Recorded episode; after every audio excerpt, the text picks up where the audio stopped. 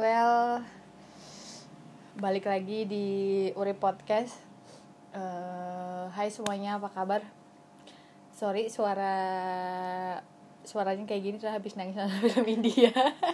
yep.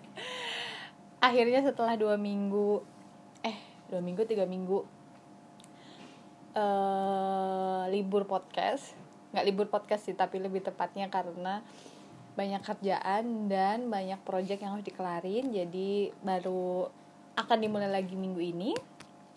Nah kalau minggu kemarin kita bahas soal eh, suka duka bukan suka duka sih kayak cerita jadi seorang ibu baru tuh kayak gimana.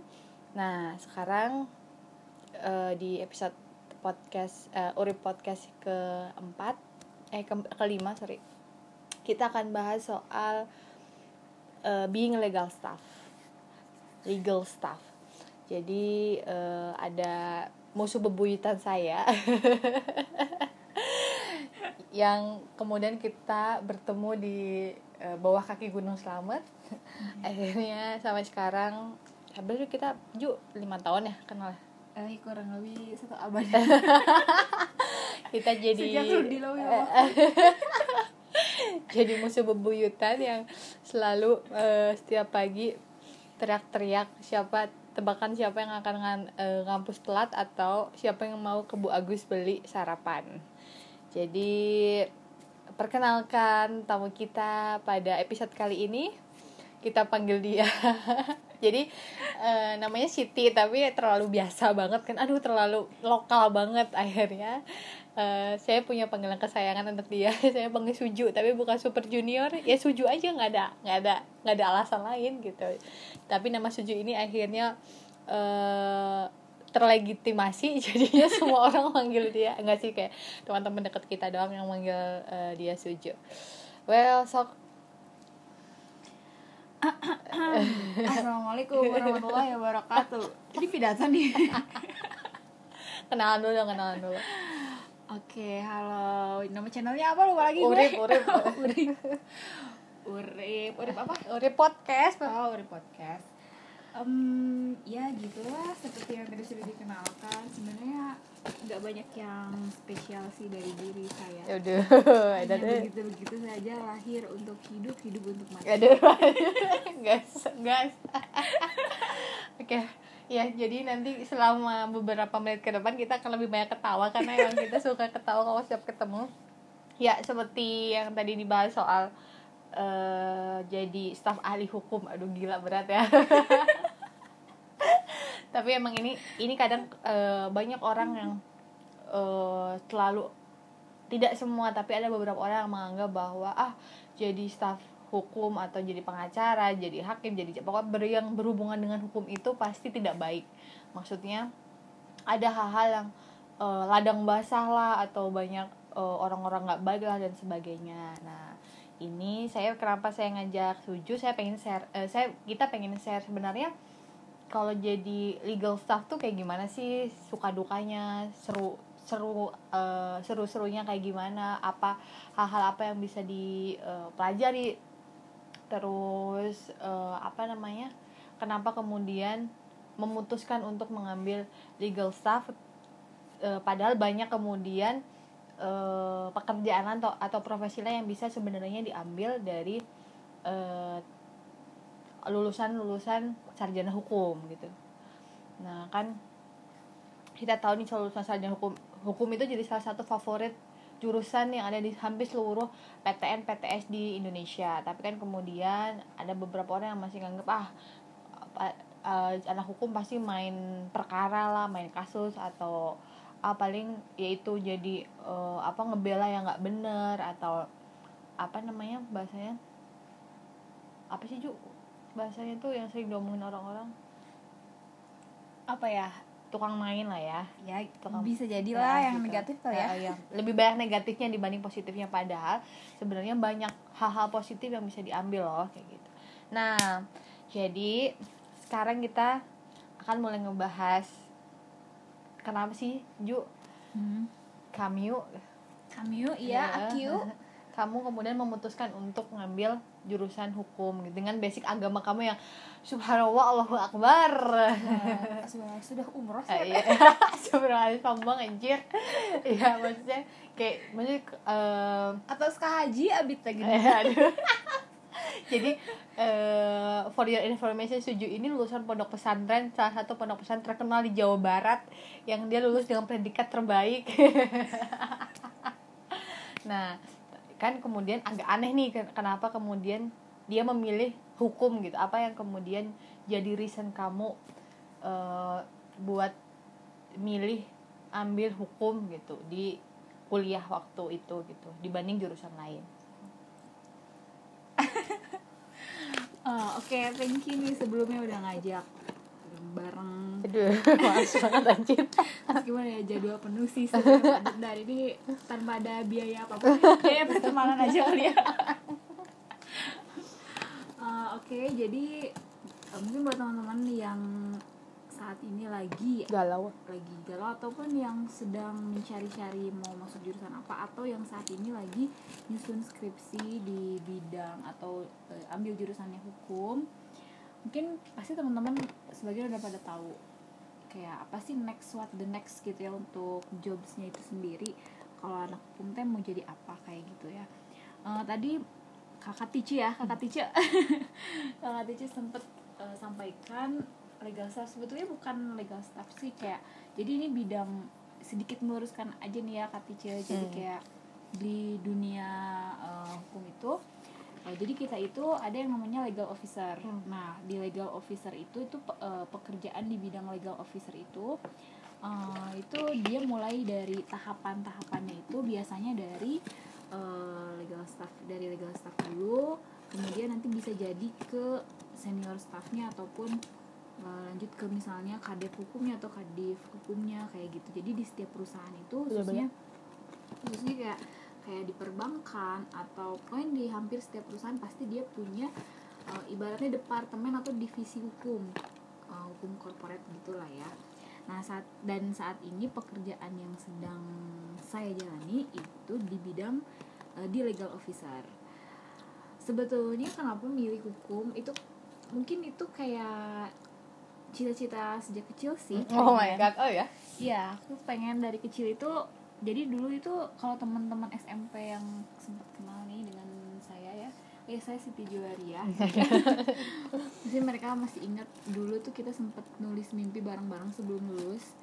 Uh, dan di situ tuh saya tulis itu cita-cita itu pengen jadi lulusan sarjana hukum karena waktu itu nggak tahu sih uh, what the next dari lulusan sarjana hukum itu nggak tahu cuman pengen pengen aja nah makanya waktu habis kuliah eh habis SMA itu masuk kuliah memang pengennya ambil jurusan hukum. Karena nggak tahu itu ada ada satu hal yang menarik saling tarik menarik antara saya dengan dunia hukum. Eh, dan akhirnya memang Allah juga mungkin merencanakan di situ juga. Nah enaknya serunya oh ya satu lagi nih sebelumnya Uh, terus apa sih bedanya dengan pekerjaan pekerjaan kayak seorang hakim, jaksa ataupun pengacara atau lawyer ya, advokat, lawyer, pengacara itu bedanya apa? Uh, bedanya di bidang pekerjaannya. Jadi kalau misalnya legal officer kita hanya ngebahas tentang core bisnisnya kita itu di perusahaan itu apa? Misalnya kalau misalnya kalau saya kan saat ini sedang core bisnisnya itu di uh, infrastruktur. Hmm.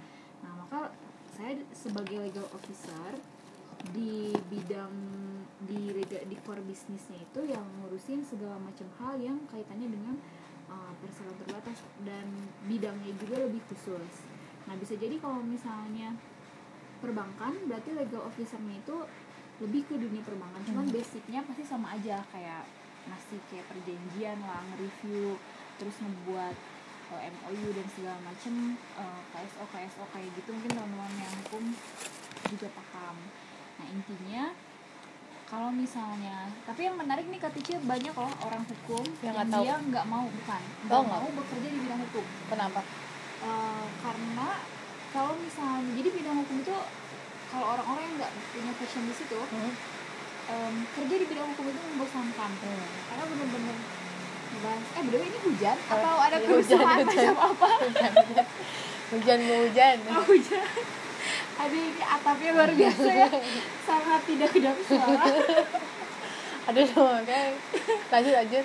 Ya jadi kayak kalau misalnya uh, banyak ya kayak teman-teman kita mungkin yang yang saat ini juga ngalamin mereka saking udah bebehnya belajar hukum sorry mereka nggak mau kayak ngambil kalau kerja tuh di bidang hukum karena pasti kerjaannya nggak jauh-jauh dari yang namanya seluk peraturan perundang-undangan yang ya ya em, banyak banget peraturan perundang-undangan yang harus dipahami, dibahas, diteliti, dicermati dan ya banyak sih orang yang nggak fashion di sana dan akhirnya nggak ngambil pekerjaan itu.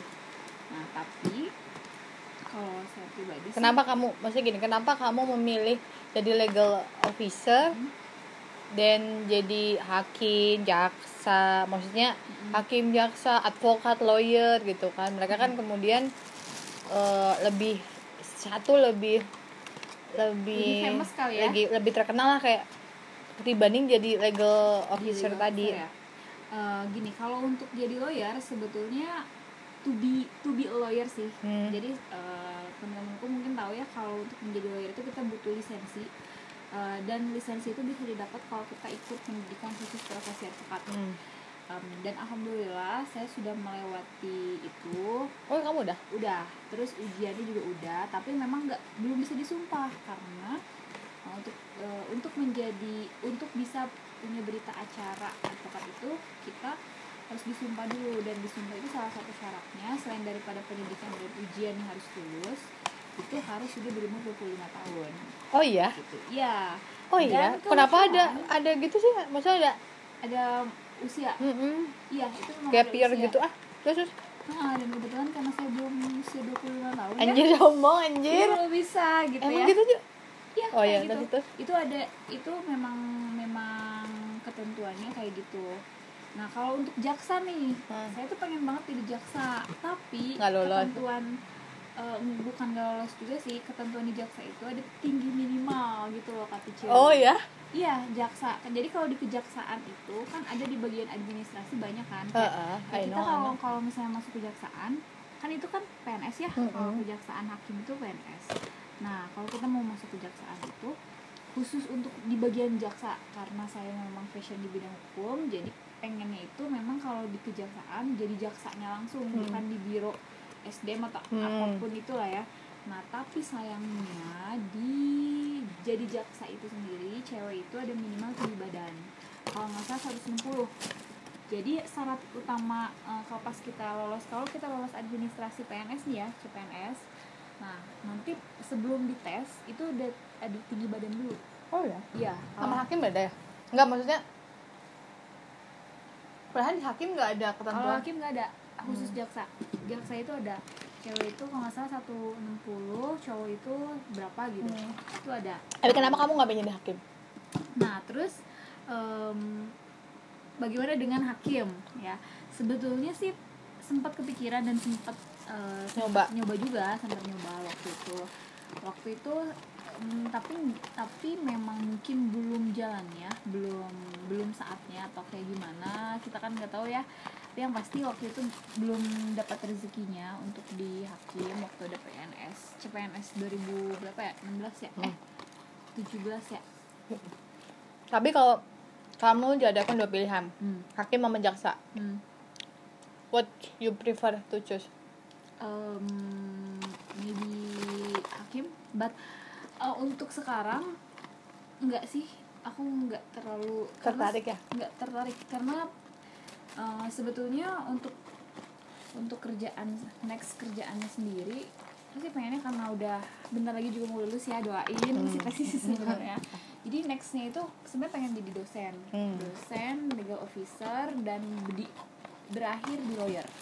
Hmm. jadi kan itu kan well good lah kamu jadi lawyer. Karena nggak bisa nggak bisa kita misalnya kalau jadi hakim kita harus melepas lawyer kita lisensinya kita. Iya Ha-ha. emang.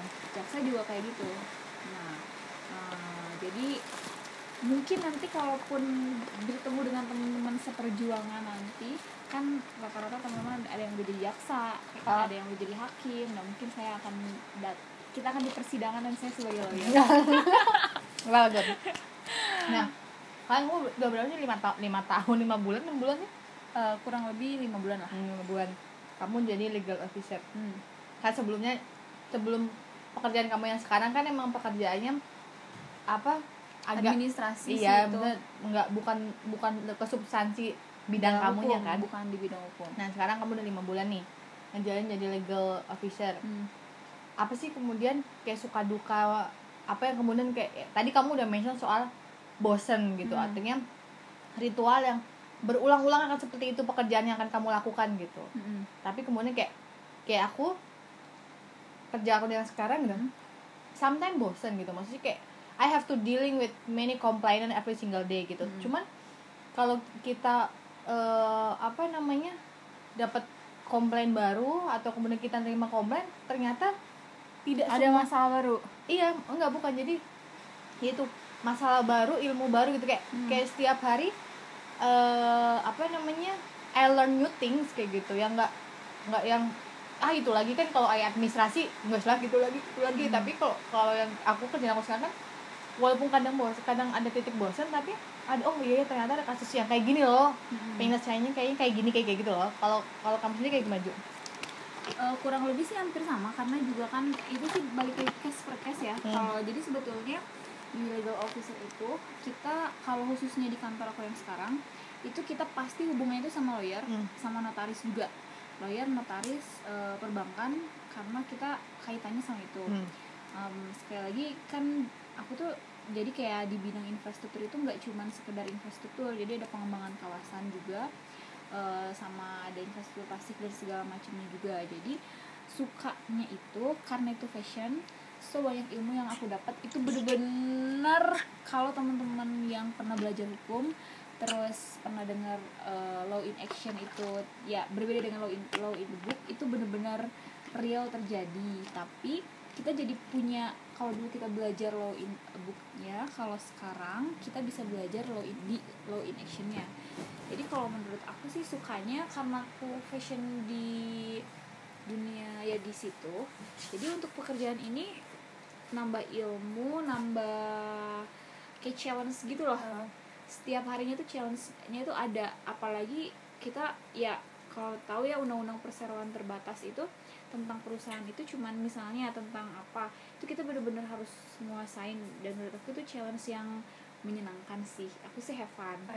Nah kalau dukanya dukanya itu kita bisa nggak kenal waktu guys. Jadi kalau misalnya untuk nge-review sebuah satu satu perjanjian ya misalnya tem- dengan dengan eh, kayak contohnya oke aku sebut nama misalnya dengan eh, waskita. Satu nge-review satu perjanjian dengan waskita dalam satu Ya, proyek. salah satu perusahaan. Nah, dalam salah satu perusahaan. Untuk satu, untuk satu buah proyek itu bisa memakan waktu berjam-jam.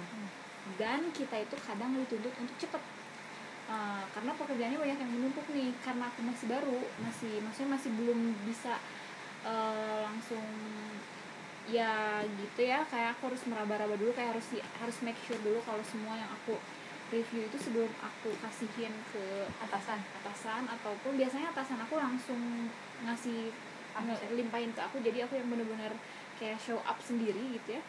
Hmm, nah itu itu yang ditakutin sih. Jadi kalau misalnya pernah pernah sih aku pernah salah. Jadi kayak waktu itu aku pernah salah. So aku harus bolak balik Jakarta gitu buat membenarkan kesalahan yang udah aku buat dan eh, tapi ya ya itu resikonya sih. Dan Dari- itu belajar kali ya. Belajar. Tapi seiring berjalannya waktu mungkin hal yang kayak gitu bakal terlewat.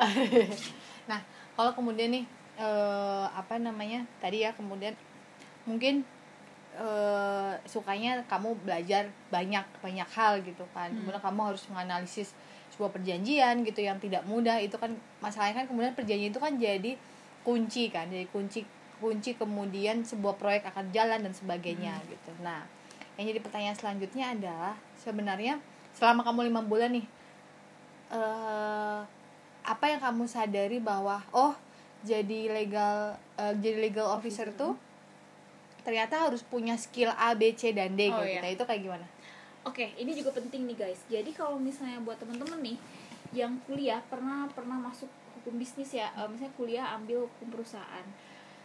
Itu tuh kalau misalnya di dunia praktek, kalau misalnya untuk real core bisnisnya sendiri, ilmu yang kita punya itu cuma sekedar 5%.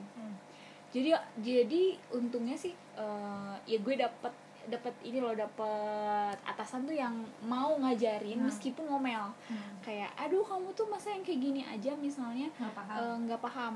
Nah jadi kayak memang di prakteknya itu ada hal-hal sensitif lain khususnya untuk di dunia bisnisnya ya kayak misalnya berapa berapa part saham yang akan dijual dan segala macamnya kayak gitu itu harus kita harus benar-benar kuasai kita nggak bisa kalau hanya sekedar tahu cara bikin undang-undang atau cara bikin sebuah perjanjian tapi nggak tahu eh, makna dari setiap pasal yang kita buat Hmm. ataupun ngejual Hmm. ngejual setiap pasal yang eh, ketentuan yang kita buat itu sayang banget sih. Makanya yang harus dipersiapin itu ya selain daripada keilmuan yang memadai em, praktek juga itu harus disiapin sih. Itu itu harus benar-benar sering sering sering sering sering discuss dan belajar sih. Nggak cuma baca buku. Kayak gitu. Nah, kalau tadi kan kamu eh cerita nih kayak ternyata sekarang setelah kamu menjalani pekerjaan ini, kamu berpikir kayak kayaknya kayak ha- jadi being hakim gitu atau apa jaksa gitu. Kayak kayaknya itu bukan kayak bukan hal yang utama lagi gitu kan. Hmm. ternyata kan setelah kamu tadi cerita ya aku pengen jadi legal officer tapi kamu juga pengen jadi dosen kamu pengen punya kantor hukum dan maksudnya itu prosesnya akan sangat panjang kayak gitu kan. Ya. Nah tapi pernah nggak e, being legal officer itu masuk ke apa namanya benak kamu gitu kan mau mau kayak ya udah sih kayaknya sih gue lebih akan lebih tertarik setelah kayak kan kalau di hukum kan banyak nih hukum perdata hukum pidana bisnis kayak gitu kan internasional Hmm. terus apa namanya tata usaha negara kayak gitu gitu kan nah setelah kamu memilih kan kamu kemudian memilih bisnis nih untuk kemudian main apa namanya kamu tentukan oke aku mau lebih spesial belajar soal hukum bisnis ini gitu. Nah selanjutnya kayak apa sih yang kemudian eh oh bukan bukan apa apakah just pertanyaannya apakah menjadi legal officer itu pernah terbesit gitu Hmm. di eh, atau masuk ke list ini mimpi aku kayak gitu itu pernah Hmm. Em, khususnya pas saat setelah lulus Hmm. jadi waktu lulus itu kan em, legal officer itu satu hal yang itu limited edition kali ya. Jadi kalau dari setiap dari satu perusahaan kayak di perusahaan yang saat ini eh, sedang aku dalami itu legal officer itu cuma ada tiga orang. Eh, bahkan jadi di setiap perusahaan itu legal officer itu jarang ada yang banyak. Paling satu dua maksimal juga lima orang. Nah, jadi kayak orang-orang itu nggak terlalu nggak terlalu ya mau di situ tuh kayak gimana Hmm. kayak gitu. Nah setelah lulus uh, terus kan kayak jadi job seeker dong Ah. gue ya wah itu ternyata banyak tuh. Uh, kayak manfaatnya enaknya terus kayak salary yang bisa didapat kalau kita udah oke banget gitu ya. Nah dari situ udah mulai terbesit nah tapi waktu itu pilihannya ada dua apakah mau jadi legal legal officer atau mau di lawyer? Kayak gitu. Nah setelah dipikir-pikir kalau misalnya ambil di lawyer eh, dengan keilmuan dan dari dan praktek aku yang masih Minim. sangat minim ini aku akan memulainya itu lebih susah tapi kalau ketika aku di legal officer maksudnya masuk di sebuah sistem ya karena legal officer itu kita harus ngikutin sistem perusahaannya kan? Jadi situ sempat terbesit kayak duh gue pengen deh masuk legal officer Eh, nggak apa-apa belajar dulu dengan sistem yang ada. Kayak kita belajar hukum dipaksa yang harus tahu tuh ABCD sesuai dengan sistemnya. Nah tapi waktu itu mikirnya tapi di mana ya yang tepat? Gitu.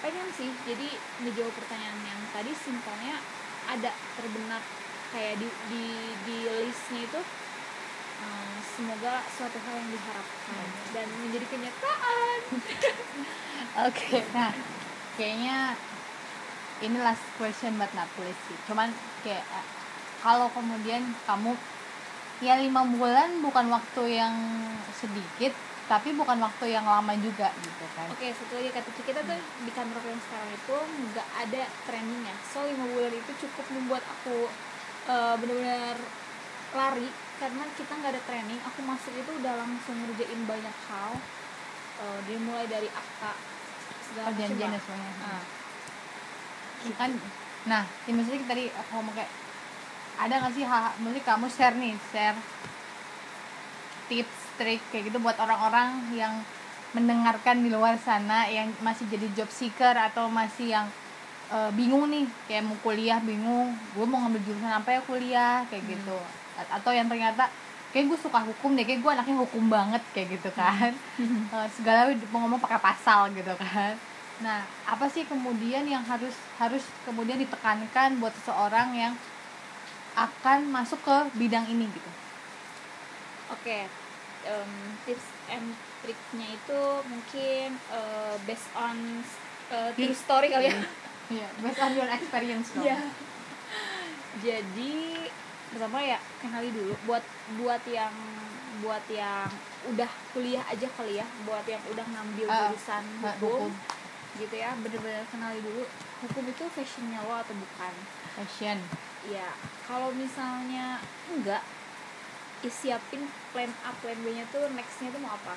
Tapi kalau misalnya memang yakin di Hmm. situ, Hmm. bener-bener yakin di situ, legal officer itu adalah langkah yang tepat untuk kamu bisa Menggapai menggapai impian-impian kamu Lain. di dunia Pada ya di bidang hukum. perhukuman itu ya misalnya next entah kamu mau jadi lawyer entah kamu mau punya jadi eh, legal apa pun itu ya kayak tapi legal officer itu ya sepengalaman aku itu bisa menjadi hal yang sangat membantu untuk memulai Banyak. karir kamu untuk memulai karir kamu apalagi didukung eh, oleh tempat kerja kamu itu di mana Hmm. jadi kamu legal officer tapi di mana oh iya. Nah itu udah cocok banget ketika kamu misalnya oke lah taruh 2 sampai tiga tahun dan kamu menguasai semua core bisnis di perusahaan yang kamu tempati sebagai legal officer dan ketika kamu keluar posisi kamu sudah ada di minimal kadep ya di kepala departemen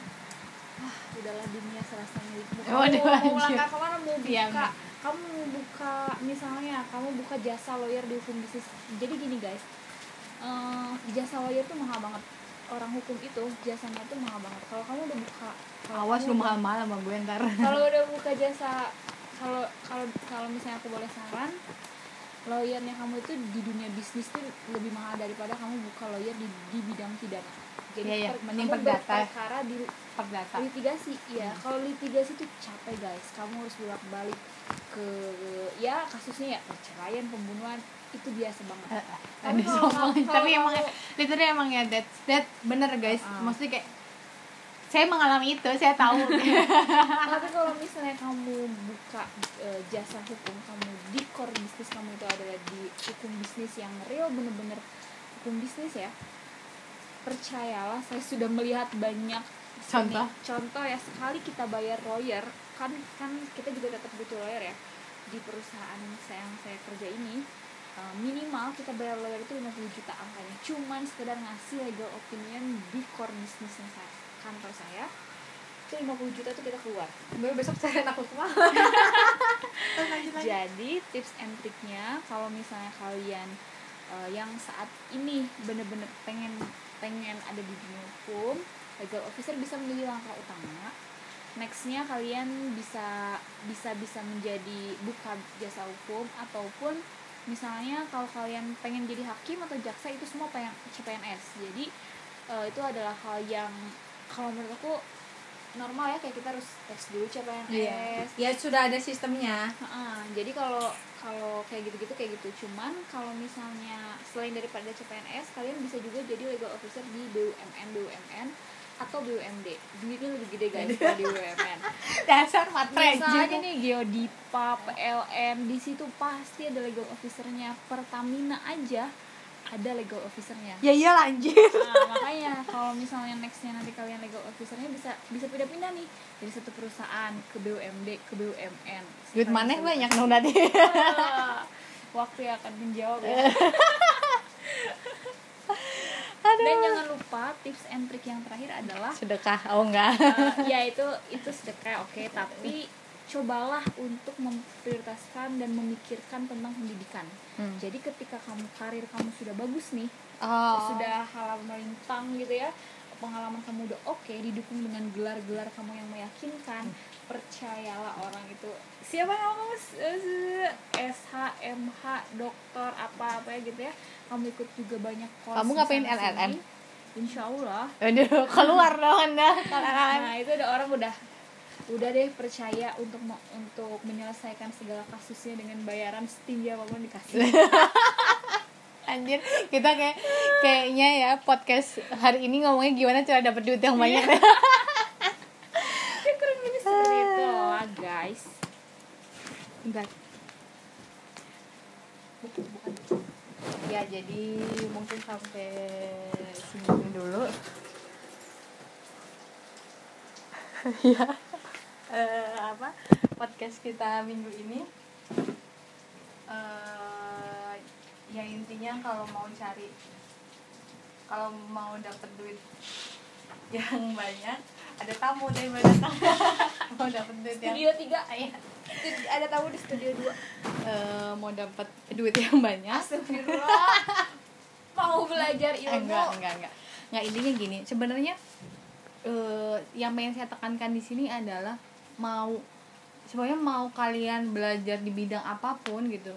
Sebenarnya kalau dari cerita yang disampaikan sama Suju tadi sih intinya sih satu kalian tekun kalian mau belajar kemudian kalian punya perencanaan yang matang mau kalian belajar di bidang mana pun mau belajar di hukum mau belajar di sosiologi mau belajar di arkeologi permusiman dan apa pun itu kalau emang kemudian kalian tekun gitu dan kalian kemudian e, menjadi seorang yang profesional artinya kalian bertanggung jawab sama pekerjaan kalian sama profesi yang kalian pilih itu nanti pasti ya yang ngomongin salary ngomongin apa pun itu pasti nanti akan mengikuti gitu kan. E, apa namanya tidak nggak usah nggak usah ketakutan ah aku ngambil jurusan peternakan nggak bakal jadi orang sukses kata siapa kayak gitu kan. Karena ternyata banyak sekali loh orang-orang lulusan peternakan yang dia bisa jadi pengusaha besar yang dia bisa eh, ekspor produk-produk peternakannya gitu. Jadi intinya sih itu artinya tadi juga pen- betapa pentingnya pendidikan gitu. Sama seperti akhirnya sekarang eh, kamu udah tetes ya mau selesai ya? Insya Allah ya jadi kayak suju sekarang eh, sudah seles- apa namanya di tahapan akhir untuk eh, masternya. Kemudian dia sudah selesai juga mengambil eh, pendidikan dan tes untuk advokatnya gitu tinggal sumpah ya berarti ya tinggal eh, dia dia akan sumpah gitu walaupun kadang saya ngiri sih gitu. cuman eh Bokong. bener pasti kayak I really miss eh ini apa namanya kayak baca jurnal gitu loh Oh, kayak iya. kayak apa namanya have eh, strong discussion sama teman-teman soal satu substansi yang yang yang kemudian ada goalsnya gitu. Kalau sekarang kayak, kayak diskusi kita mikirnya kan film India apa yang me- menyedihkan kan kayak gitu kan. Kayak ya kita ngebahas kasus juga satu dua lah. Nggak mungkin kayak kamu eh, ketemu aku eh, mbak kita bahas kasus ini. Udah gila kali orang ketemu membahas kasus gitu kan. Jadi intinya itu guys. Semoga apa yang tadi di narapidana apa nih orang.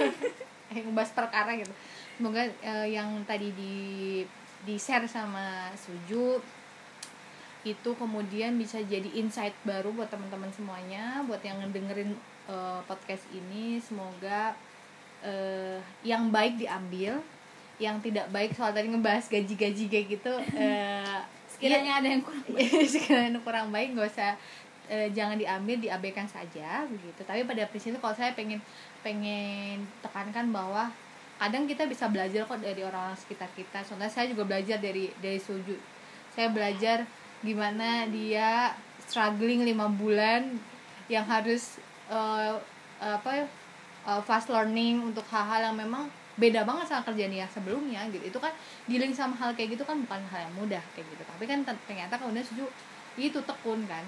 Artinya yes mau mau kalian dikasih apa pun kalau kalian mau belajar kalau kalian tekun gitu pasti kemudian nanti diberikan kemudahan gitu. Itu jadi mungkin podcast eh, minggu ini. Nah sebenarnya sih to be harusnya minggu ini saya mau up saya baca puisi ya. Ada satu pumbuk eh, dari Rupi Kaur yang saya suka. Saya sampai pengen share sama pengen diskusi monolog sendiri gitu. Cuman kayaknya ini di upnya nanti aja deh. Kayak momennya kurang pas gitu. jadi eh, apa ba- bahas ini dulu. Nanti kalau teman-teman sekalian mau share mau cerita mau eh, diskusi apa pun nanti eh, bisa kirim email dong ke saya. Nanti kita bahas bareng-bareng. Dari nanti nanti saya saya coba carikan narasumber atau saya kan teman-teman saya yang ternyata membidangi apa yang eh, teman-teman eh, keluhin kayak gitu. Jadi silahkan kalian bisa kirim email ke saya di astatika@gmail.com nanti saya tulis di eh, descriptionnya. Eh, buat nanti kita next kalau emang eh, perlu nanti kita bahas gitu apa yang kemudian sama teman-teman saya yang dari mana-mana itu enggak sih teman-teman saya teman-teman saya yang alhamdulillah saya punya teman-teman yang bag- eh, yang ada di berbagai bidang gitu jadi bisa share lah. Mungkin itu aja sampai ketemu di podcast selanjutnya bye have a great sekarang apa? A Saturday. Oh no have have a great Sunday guys. See you next week. Bye